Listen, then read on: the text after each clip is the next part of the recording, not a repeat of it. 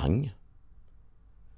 Jag förstår ju att om man drabbas av cancer så kan det komma tillbaka men man tycker väl att man på något sätt ska känna av det. Och så får jag då en dödsdom.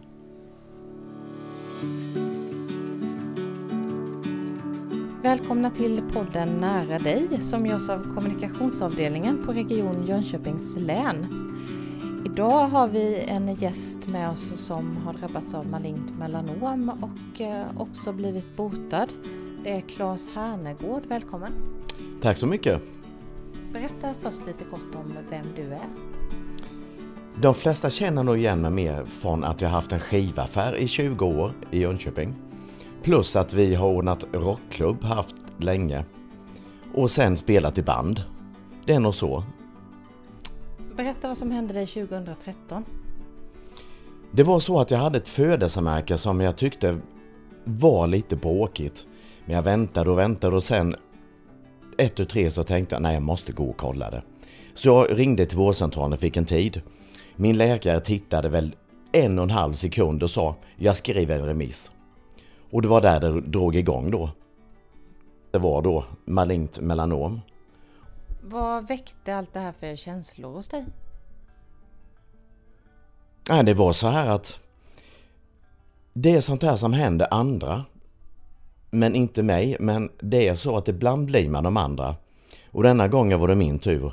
Och jag tänkte jag ska slåss så mycket jag kan. Jag ska klara av det här. Så är det bara. Och hur gick du in i det här och då slogs, som du säger? Nej, jag valde att helt enkelt lägga Ja, alltså min, min tillit till läkare och eh, sjukvård. Och helt enkelt för det, lita på att de vet vad de gör. Och tänkte jag ska vara en bekväm patient så att säga. Och eh, det visade sig att det gick ju bra. Så långt och jag är fantastiskt nöjd. Och sen fick du också kontakt med någonting som heter Hjärtats hus. Jag satt i, det var ju åtskilliga röntgen som gjordes. Och i väntrummet så hittade jag en liten broschyr som det stod Hjärtats hus. Och det stod att det var ju en träffpunkt för de som hade haft cancer eh, och det var ju anhöriga. Och eh, jag tänkte om jag nu reder ut det här och så ska jag känna efter så ska jag gå dit sen och se hur det är. Vi kanske ska backa bandet och berätta lite mer om den här immunterapin som du fick. Ja, det måste vi göra. Bara lite snabbt. Först så när vi tog bort, när jag tog bort födelsemärket så tittade man ju på det och då var det ju malignt melanom. Då tar man lite till och man tar lymfkörtlar och så vidare och sen så blev det allt som allt tre operationer och från då september 2013 till 2014 i april där då, det var sista mötet med doktorn, då tyckte man att nu var det bra då. Sen var det en, ett uppehåll, men på vägen innan uppehållet så fick jag reda på att jag har ett tjockt melanom och det är ju då inte bra för det tenderar att gå in i kroppen relativt hög procent. Men det är bara det att ena örat hör att du är frisk, andra örat hör ju något som nej, inte just nu. Vi tar det sen. Men i alla fall så gick ju 2015 och jag hade ju då 2016 i maj en eh, röntgen som skulle göras. Men min doktor fick för sig att fick en magkänsla. Nej, jag kände på mig att det är något som inte stämmer så vi sätter röntgen här nu i januari 2016, då mycket tidigare. Och eh, visst gjorde vi det och det, jag kände mig pigg och hade ju jag tränade badminton och kände mig inte någonting dålig. Så eh, en fredag när jag ska få svaret så satt jag i väntrummet och kände mig trygg. Det var sol, det var snö, jag minns så väl. Och jag var toppen och på glatt humör. Jag brukar alltid spexa lite och greja så här. Men jag tyckte när hon hämtade mig att hon var lite dämpad. Men det vet man aldrig kan vara en tuff förmiddag eller sådär. Mycket besked att ge. Men sen satte hon sig framför mig och sen satte jag mig då. Och jag såg att det var lite tungt och sen säger hon att du har fått metastaser i ljumskarna och i hela underkroppen. Vi kan inte operera dig, vi kan inte ge dig cellgifter och vi kan inte stråla dig. Du har för många helt enkelt. Så det blev en dödsdom. Pang! Från att man mår bra, jag förstår ju att om man drabbas av cancer så kan det komma tillbaka men man tycker väl att man på något sätt ska känna av det. Att man ska vara dålig och så här men ingenting. Och så får jag då en dödsdom. I ett läge där man, ja, tror man är kärnfrisk. Det var egentligen, var det värre än det första beskedet? Det första beskedet var ju inte, alltså när man får cancer så kan det ju vara, det kan ju vara allvarligt, det kan vara mindre allvarligt men det är ju sällan att det är så som det var andra gången. Så första gången så tyckte jag väl att de hade lite planer, jag visste vad de skulle göra men Nej, jag var inte så orolig. Det, var ju, det är klart det var en chock, men inte på det viset. Här slogs ju benen undan. Och det var ju så hjärnan sprängdes och åkte i, som en vas då i tusen bitar. Så, eh, ja, det är väldigt svårt att... Jag kan inte riktigt berätta om just första tiden för det var som ett töcken. Tills man samlade ihop sig. Och hur gjorde du det? Jo, det var så här att av, i mitt i allt det här hon sa ju så här, du får ta hand om dina vänner eller familj, vänner och så träffa, gör allting roligt du kan tills vidare, men vi ska sätta in medicin. Då tänkte jag, okej, okay, jag är illa ute, men jag ska få medicin. Då kan jag väl klamra mig fast vid den så länge. Så på fredag var jag och fick det här dödsbeskedet då. Torsdagen veckan efter var först starten på immunterapi. Så, ja, det blir ju mindre än en vecka men jag kände att jag måste klamra mig fast vid det då. Det var som ett eh, litet halmstrå. Den här immunterapin? Ja, det var det. Vi visste ju inte så mycket.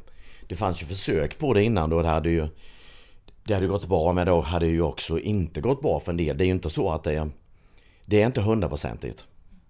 Men du var en av de första som provade detta? Efter det blev godkänt. Ja, det var jag. Det är första generationen efter godkännande. Och det gick bra, förstår vi ju nu. Ja, det är ungefär som att, vad ska vi säga då, säga att man singlar slant, alltså krona och klave. Det var fyra av fem, fyra, fem av tio som det fungerade på. Och jag var en. Vad tänker du om det? Ja, det är helt fantastiskt. Det, det är ju, det jag, åter i, så här idag kan jag till och med alltså bara njuta och se.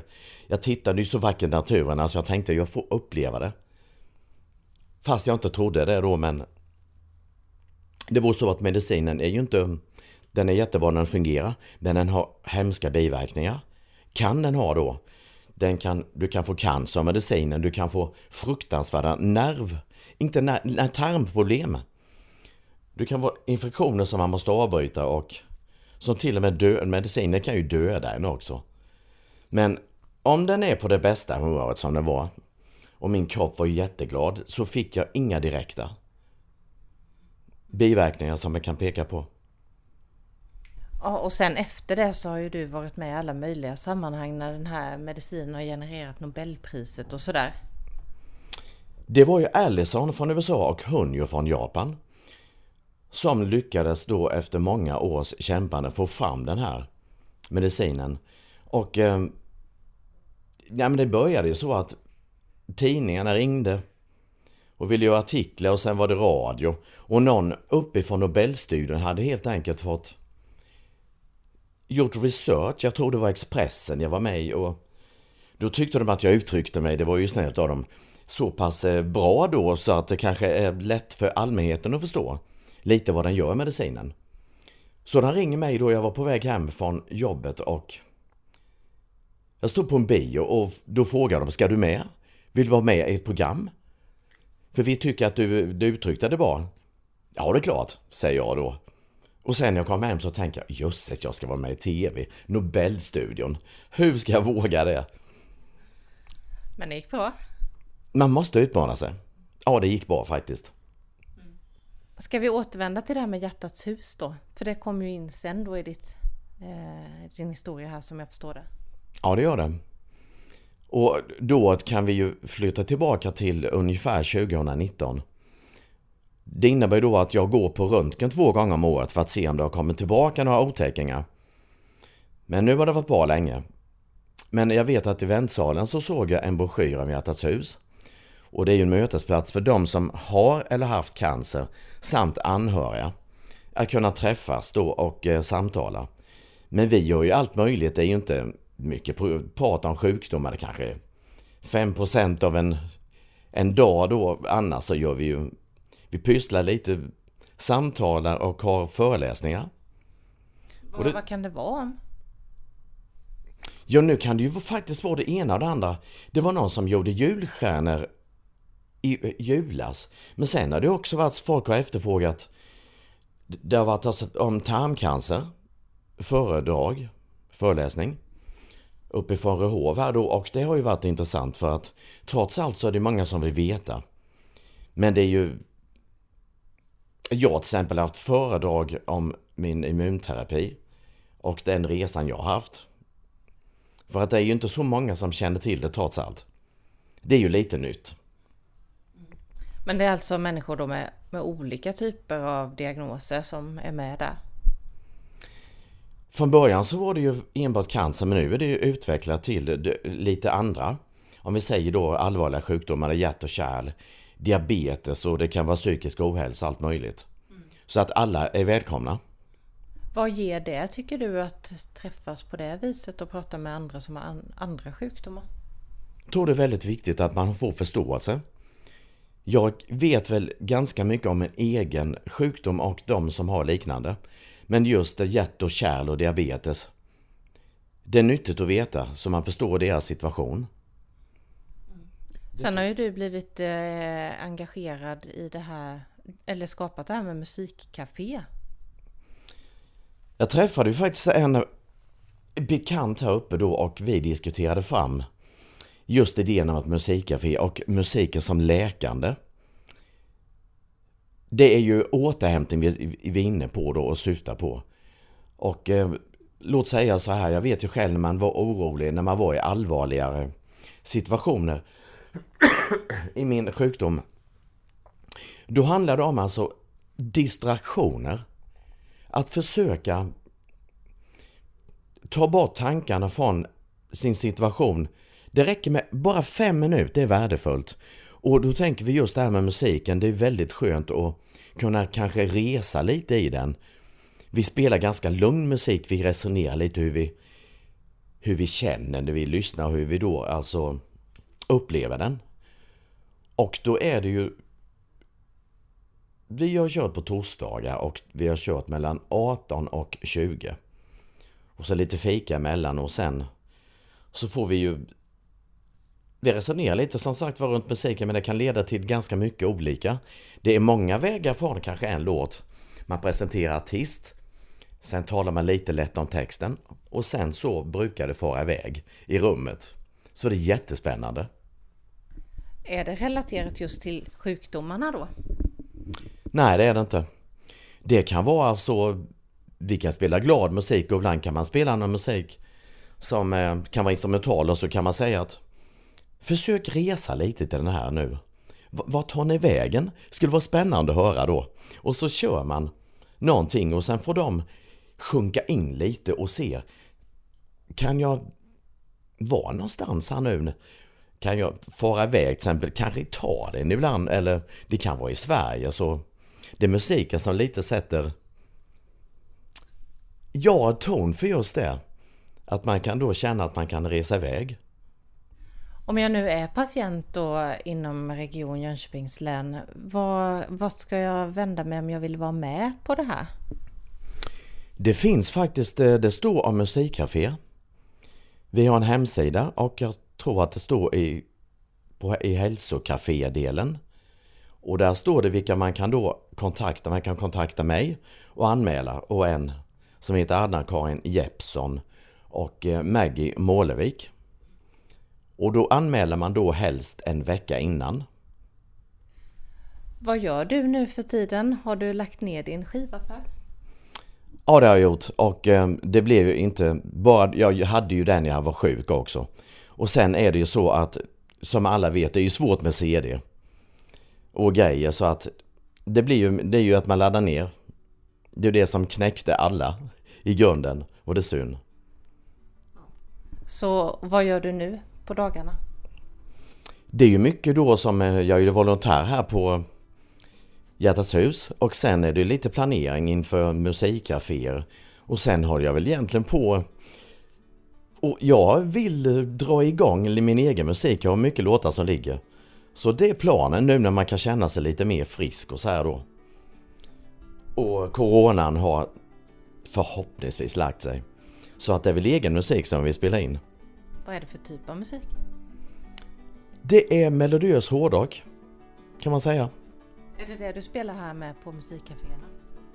Nej, det kan vara allt möjligt. Vi har kört Rod Stewart och vi har kört Chris Rea och jag tror vi körde lite, vi körde ABBA då i samband då med, med släppet och resonerade lite runt. Men det, vi, vi, brukar inte, alltså det är inte musik, vi nördar inte ner så mycket musiken utan vi, vi säger lite lagom mycket och sen låter vi samtalet gå vidare. Så eh, när vi ställer, ja när vi säger att nu, får, nu är samtalet fritt här nu, nu får ni säga vad ni känner och sådär och tänka om det här. Det kan ta vägen precis överallt och det är det som är så spännande. Till slut nu då så får du eh, några ord att säga eh, och berätta vad skulle du vilja säga till en person som får ett sånt här besked som du fick? Det finns egentligen en kort sak att säga. Och det är faktiskt så här. Det som är omöjligt idag kan vara möjligt imorgon. Och det är jag ett bevis på.